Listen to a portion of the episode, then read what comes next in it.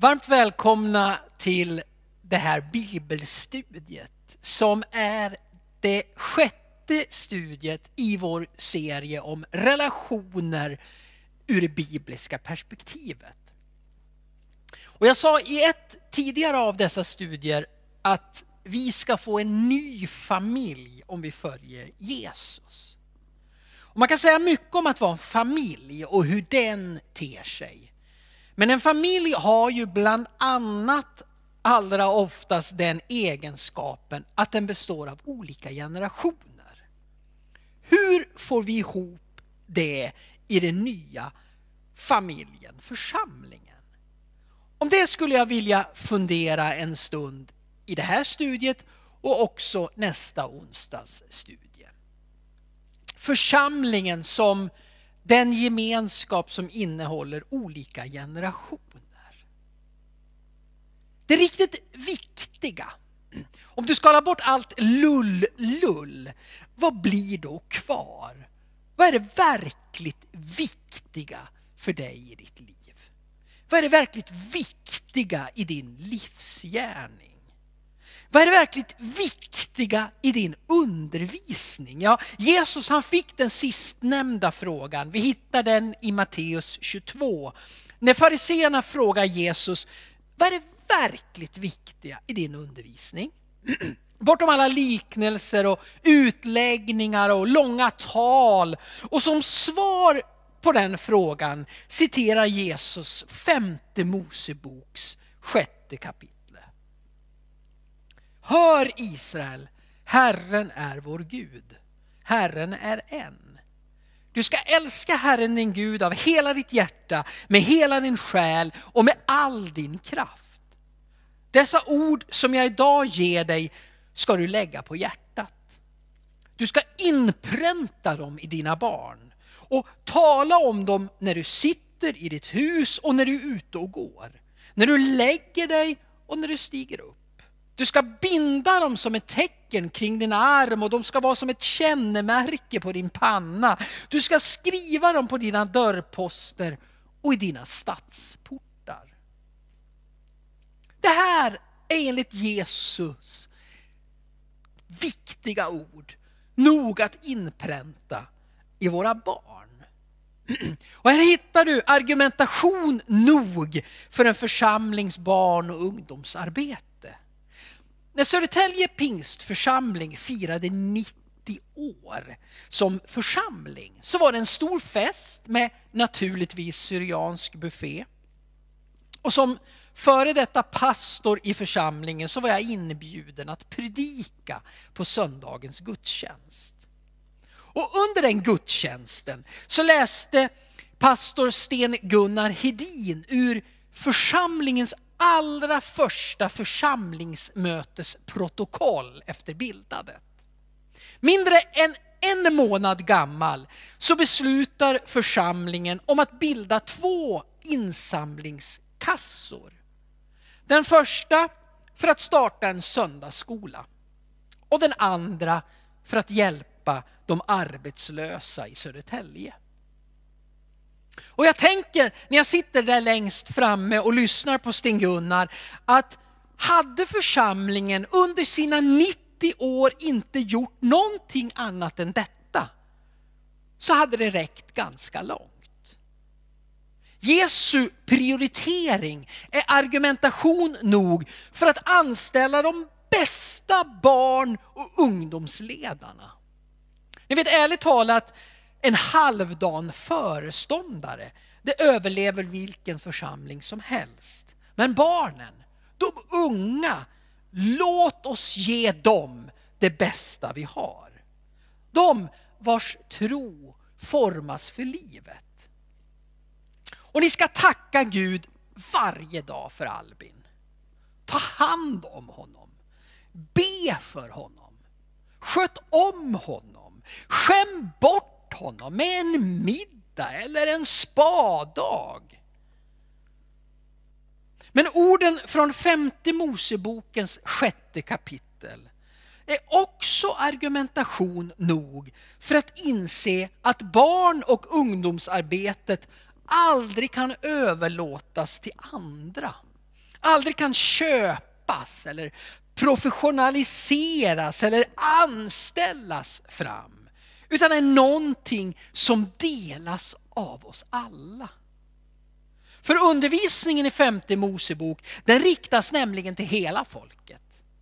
Det är varenda vuxen medborgare i Israels folk som får uppdraget att tala om orden när de sitter i sitt hus, när de är ute och går, när de lägger sig och när de stiger upp.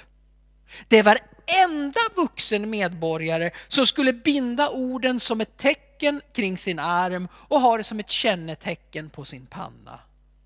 Det var varenda vuxen medborgare som skulle skriva dem på sina dörrposter och i sina stadsportar. Och det var varenda vuxen medborgare som skulle inpränta dem i sina barn. Så du som räknar dig själv som vuxen, din erfarenhet, dina upplevelser, dina berättelser behövs. Du behövs. Du behövs för en ny generation. Du behövs för att församlingen ska bli den nya familjen som Bibeln talar om. Och jag ville om det går så gärna bara få uppmuntra dig. Och jag vill ta med dig till en text idag som för många minner om söndagsskolan. Det är en av de mest älskade söndagsskoletexterna. Och häng med mig till första Samuelsbokens tredje kapitel. Den unge Samuel tjänade nu Herren under Elis uppsikt. På den tiden var det ovanligt att Herren talade till människor och profetsyner förekom sällan. Då hände en gång följande. Eli, vars ögon nu blivit så svaga att han inte kunde se, låg och sov på sin vanliga plats. Tempellampan var ännu inte släckt och Samuel låg och sov i Herrens tempel där Guds ark stod. Då ropade Herren på Samuel. Här är jag, svarade han och han sprang bort till Eli och sa, här är jag, du ropade på mig. Men Eli svarade, jag har inte ropat, gå och lägg dig igen. Och så händer det här ytterligare två gånger i texten och så från vers 8. Nu förstod Eli att det var Herren som ropade på pojken och han sa till Samuel att lägga sig igen. Och om någon ropar på dig ska du säga tala Herre, din tjänare hör. Och Samuel gick tillbaka och la sig. Då kom Herren och ställde sig där och ropade som förut Samuel, Samuel. Och han svarade tala din tjänare hör. Då sa Herren till Samuel jag ska göra något i Israel som kommer att skrälla i öronen på alla som får höra det. Den dagen ska Eli och hans släkt drabbas av det som jag har hotat med. Allt ska uppfyllas från början till slut. Jag ska låta honom veta att min dom över hans släkt står fast för all framtid eftersom han har syndat och inte ingripit mot sina söner. Han visste ju att de visade mig förakt.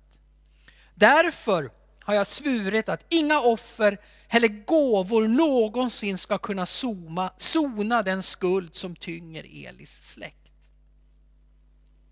Samuel låg kvar till dess det blev morgon, då han öppnade dörrarna till Herrens hus. Men han vågade inte berätta om sin uppenbarelse för Eli. Men Eli ropade på honom, Samuel min son, här är jag, svarade Samuel. Och Eli frågade, vad sa han till dig? Du får inte dölja någonting för mig.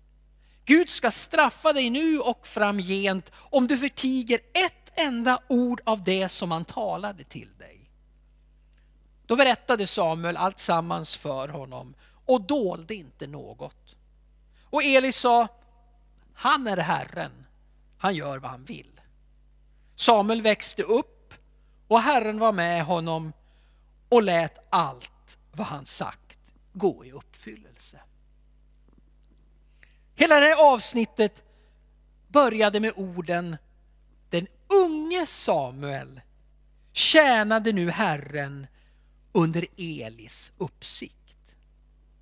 Ni minns kanske hur Samuel kommer till som ett svar på sin mamma Hannas desperata böner. Hur Hanna blir trackad av sin medhustru för sin ofruktsamhet och sin barnlöshet.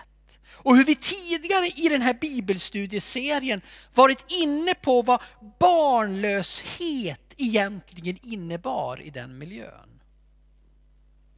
Så Hanna hon lovar Herren att om hon bara blir med barn så ska det barnet bli Guds egen profet. Och så kommer barnet och tiden går och Hanna hon håller sitt löfte och Samuel kommer in i träningstjänst hos profeten Eli. Den unge hos den gamle. Den unga för att lära av den gamla. Och jag vill stanna lite grann vid det faktum att Samuel är frukten av en barnlös kvinnas böner. Den är Samuel som på ett avgörande sätt fick vara med och förändra historiens gång. Inte minst genom det faktum att det var han som smorde David till att bli kung. Och det verkar vara mer än bara en slump, detta med barnlösheten. Snarare verkar det vara en del av Guds strategi, hur Gud verkar just genom barnlöshetens väg, om vi studerar skriften. Jag tycker att det är intressant. Tänk bara på Abraham. Stamfadern själv och hans story som innehåller så mycket barnlöshet och hopplösa lägen. Det verkar som om Gud hela tiden är mån om att fullständigt mosa vårt ego. Vi ska inte för en sekund tro att det hänger på oss. I alla viktiga skeenden är det så i Bibeln. Tro inte att detta är människors verk. Hebreerbrevet 11 och 8 läser vi. I tro lydde Abraham när han blev kallad. Han drog bort till ett land som skulle bli hans och han drog bort utan att veta vart han skulle komma. I tro slog han sig ner i det utlovade landet som i ett främmande land och bodde i tält liksom Isak och Jakob som hade fått del av samma löfte. Ty han väntade på den stad med fast grund som Gud själv har planlagt och, tro, och byggt.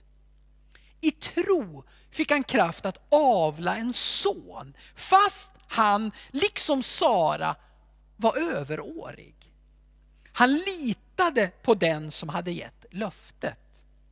Därför fick han denne man som dessutom var så gott som död en avkomma talrik som stjärnorna på himlen och de oräkneliga sandkornen på havsstranden. Abraham, han var så gott som död, säger texten. Så ålderstigen var han. Och i vårt land så går det snart inte att räkna hur få som besöker en gudstjänst regelbundet. Och jag tänker ibland att vi som kyrka är som gott som döda. Eller i alla fall på god väg mot döden. Men så blir jag trotsig. Är det inte just i sådana lägen som Gud har valt att agera?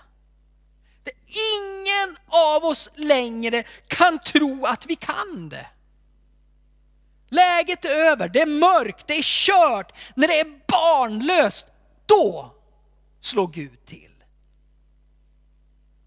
Och det här mönstret upprepas i Bibeln med Isak och Rebecka, med Jakob och Rakel och så vidare och så vidare. Och sen står vi inför det största skiftet i historien. Och detta med barnlösheten återkommer. Så här börjar, Jesus, eh, så här börjar Lukas sin berättelse om Jesus. Evangeliet om det som förändrade världen för alltid. Lukas första kapitel, vers 5. På den tiden då Herodes var kung i Judeen fanns det i Avias avdelning en präst som hette Sakarias. Hans hustru härstammade från Aron och hette Elisabet. De var båda rättfärdiga inför Gud och levde oförvitligt efter alla Herrens bud och föreskrifter. De var barnlösa eftersom Elisabet var ofruktsam och båda var till åren. Så föds så småningom deras son Johannes döparen, förelöparen, vägröjaren för evangeliet. Och när det, Jesus, när det gäller Jesus själv och omständigheterna kring hans tillkomst så förtydligas det här mönstret av hur barn föds av ofruktsamma kvinnor. Det förtydligas in i övertydlighetens absurdum om du så vill. Maria hade inte ens känt en man. Hon hade aldrig ens prövat den aktivitet som leder till att vi får barn. Men den helige ande kommer och så ser vi återigen hur Gud alltid börjar med det vi inte har. Det vi inte kan. Och i vårt land så befinner vi oss i ett barnlöshetsläge. Men så kan vi också mitt i allt detta barnlösa spåra omsorgen om den enskilda individen i det utsatta läget och vad det kan innebära. Vi kan se hur Gud använder de som är äldre för att lära de unga någonting. Ingen runt omkring kunde förstå eller ens kunde ana hur den unga tonårstjej som har fått det förtroendefulla uppdraget att föda frälsaren, hur hon hade det. Hur det var, vad det innebar. Så kunde hon i alla fall gå till Elisabet. Vers 35 i Lukas första kapitel. Men ängeln svarade henne, helig ande ska komma över dig och den högstes kraft ska vila över dig. Därför ska barnet kallas heligt och Guds son. Elisabet, din släkting, hon väntar också en son nu på sin ålderdom. Hon som sades vara ofruktsam är nu i sjätte månaden. Ty Ingenting är omöjligt för Gud.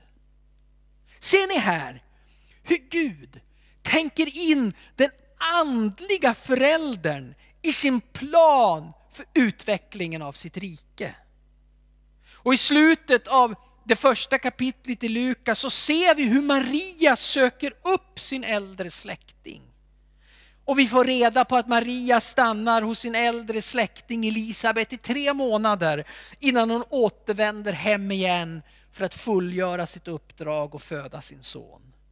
Och vi vet inte vad de två kvinnorna i olika åldrar talade om eller vad de gjorde under de här tre månaderna. Men jag tror inte att vi kan överskatta vad dessa månader i Elisabets närvaro betydde för Maria.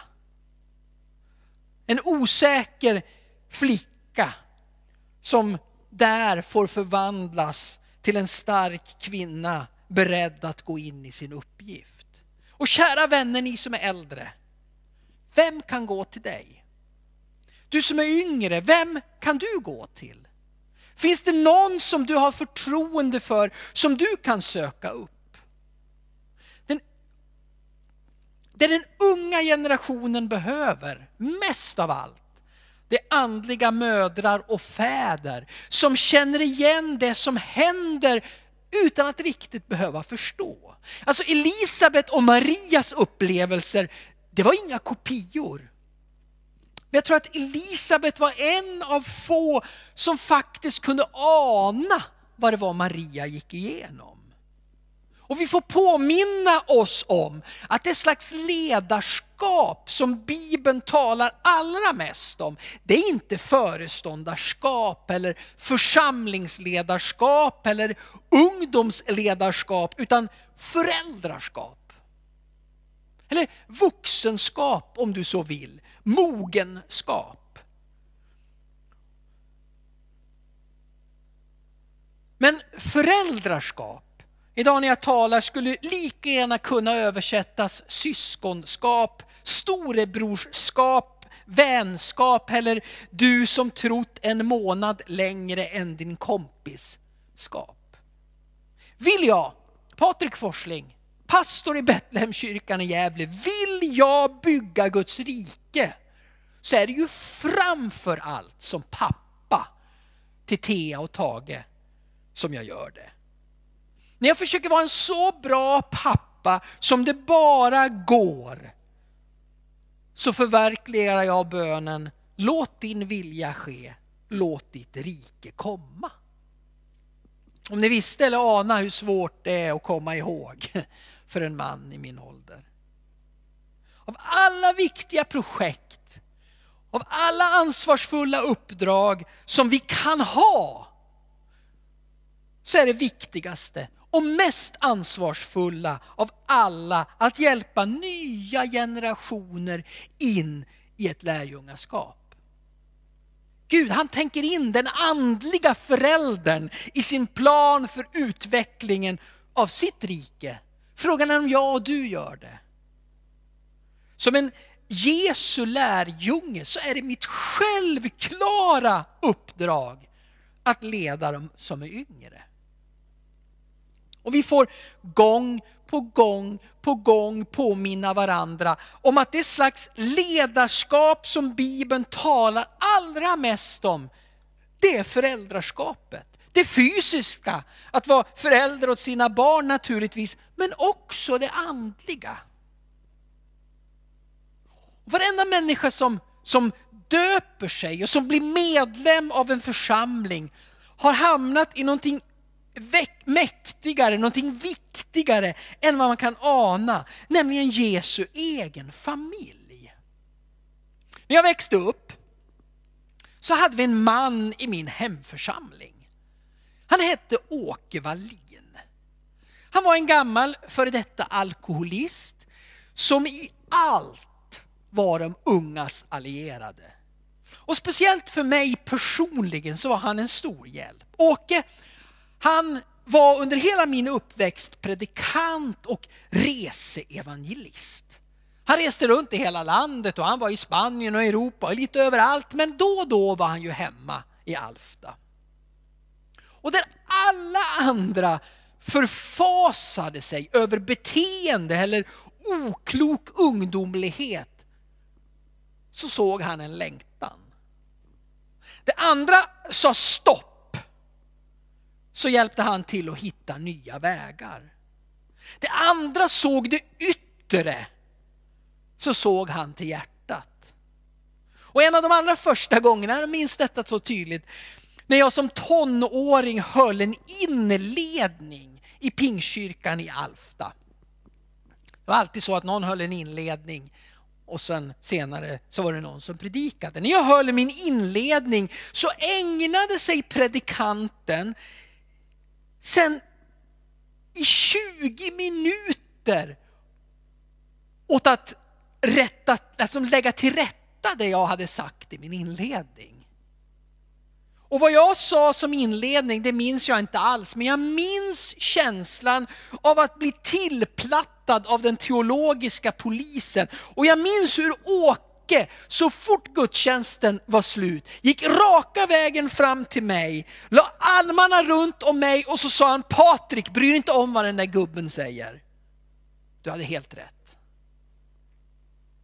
Hade jag rätt? Ja, säkert var det ju så ur något strikt teologiskt perspektiv att jag kanske inte hade helt rätt. Jag kanske var snett på det. Men Åke han förstod att det var andra värden som stod på spel.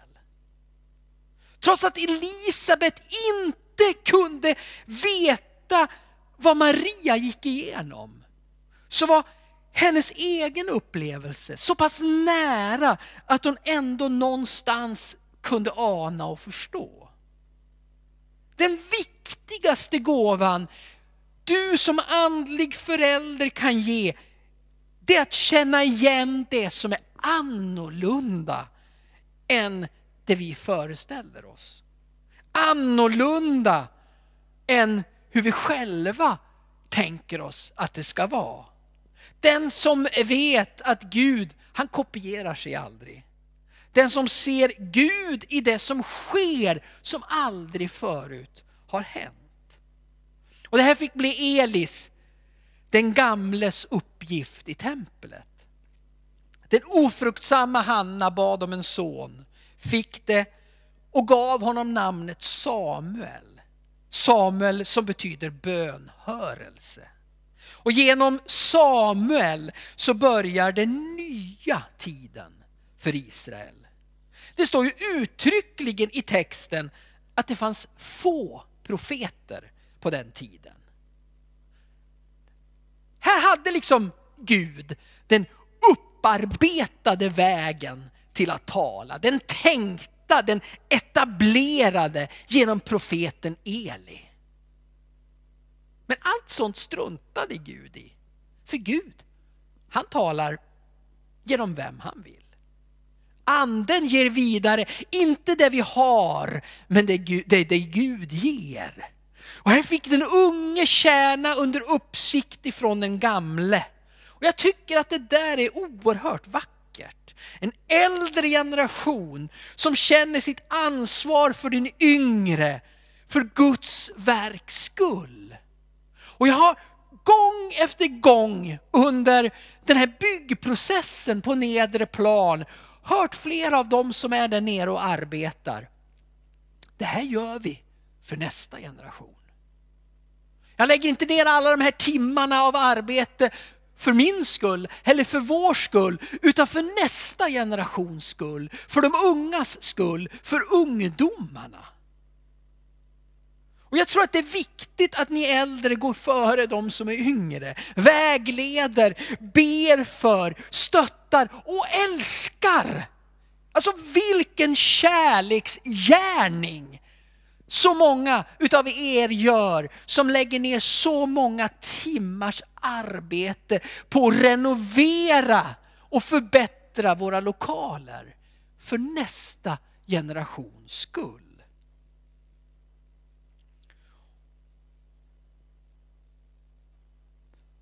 Att bli älskad utav, det betyder ju inte att den äldre generationen behöver förstå eller ens uppskatta allt som den yngre gör.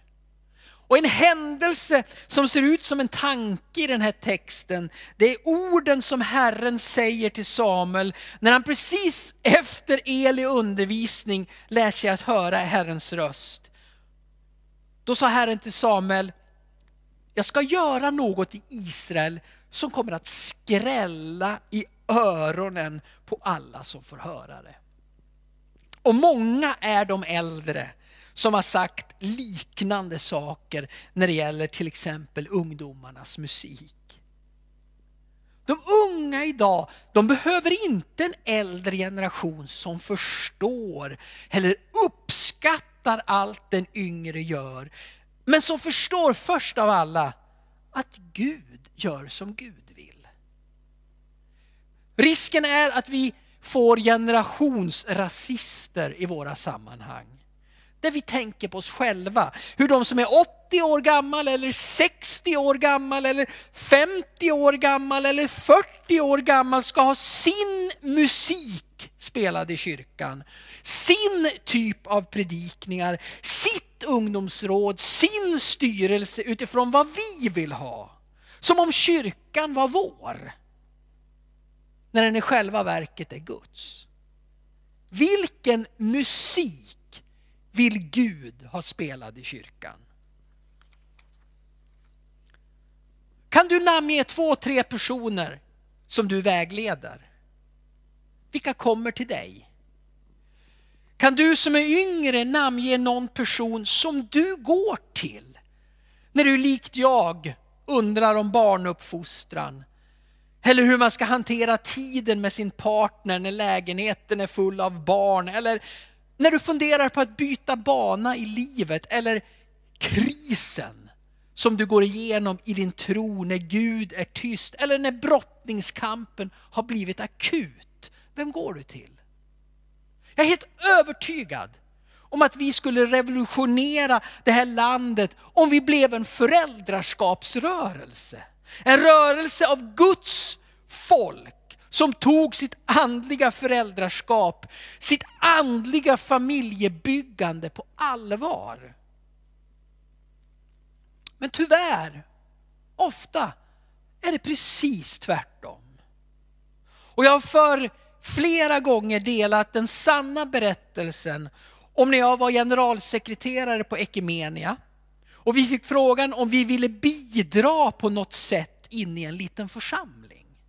Det var en åldrande grupp människor som brukade samla fem, sex stycken på gudstjänst inklusive den anställda organisten. Och då gjorde vi på Ekumenia så att vi bad den bästa pastor vi kom på att ta sig an uppdraget. Och under tre månader så skulle vi undersöka vad ett sånt här projekt skulle kunna innebära. Pastor Jonas, som är den mest ödmjuka, mest andefyllda, visa pastor jag kan tänka mig, tog sig an uppdraget.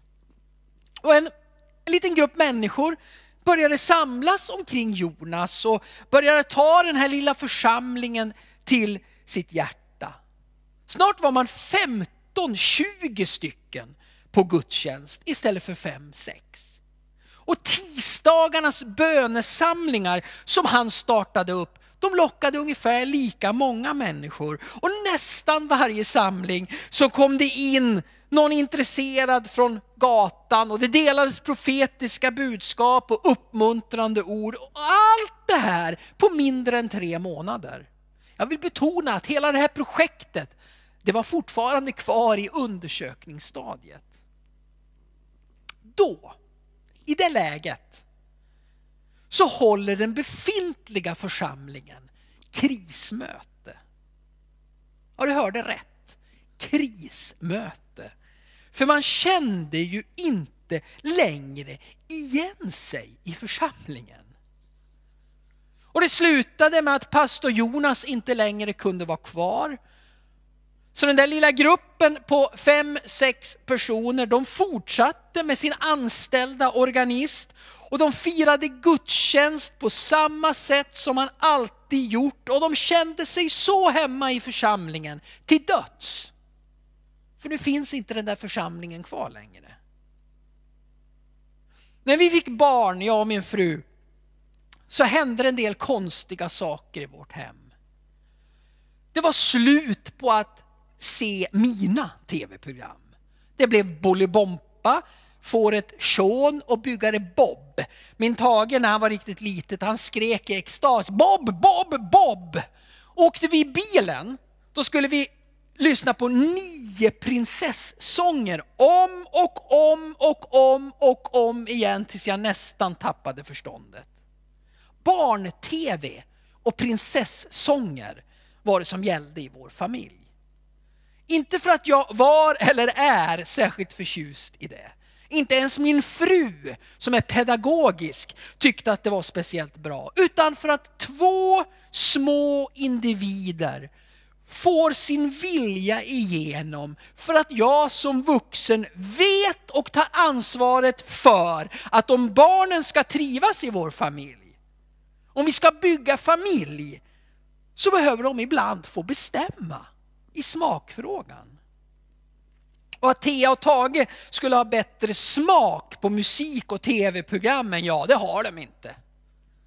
Prinsessånger och byggare Bob, det är objektivt sämre, det vet jag, det bestämmer jag som vuxen. Men jag står också över det som vuxen, för deras skull. För familjens skull, för barnens skull. Och varför skulle detta vara annorlunda i familjen, församlingen? Vad är det som kännetecknar allt gott föräldraskap, fysiskt och andligt föräldraskap, att man vill ge, ge, ge, ge. Vi ska komma ihåg att föräldraskapet är det ledarskap som Bibeln talar allra mest om. Första Korinthierbrevet 4 och 15 säger Paulus, om ni så skulle ha tiotusen lärare som vill göra er till kristna. Har ni ändå inte många fäder?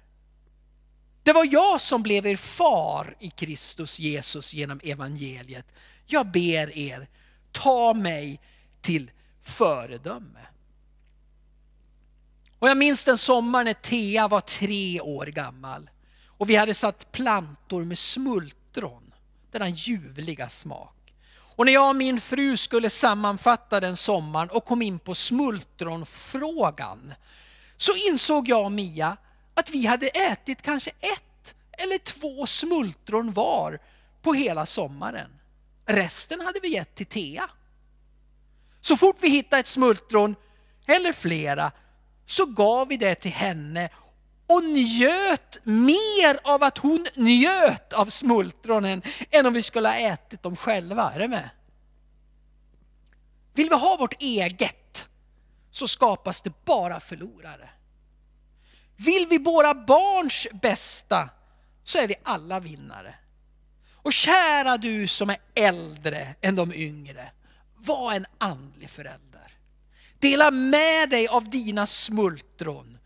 Du behövs i Guds rike. Du behövs i församlingen. Du behövs så innerligt väl för den yngre generationens skull. Och vad var det i texten som blev Elis uppgift? Jo, att lära Samuel höra Guds röst. Inte att plantera ner i honom ett sätt att arbeta. Inte fylla honom med en så här har vi alltid gjort förr-känsla. Elis uppgift blev inte att låta Samuel ärva någonting som inte var hans eget. Det var inte att lära honom att fira gudstjänster som han gjorde 1975, utan mycket viktigare än så, att lära honom att höra Guds röst. Och här, kära ni som kvalar in i skaran äldre, det blir er viktigaste uppgift de kommande åren att lära de yngre att höra Guds röst. I hur man hör Guds röst, inte vad man sen hör. Och Det är en livsviktig distinktion.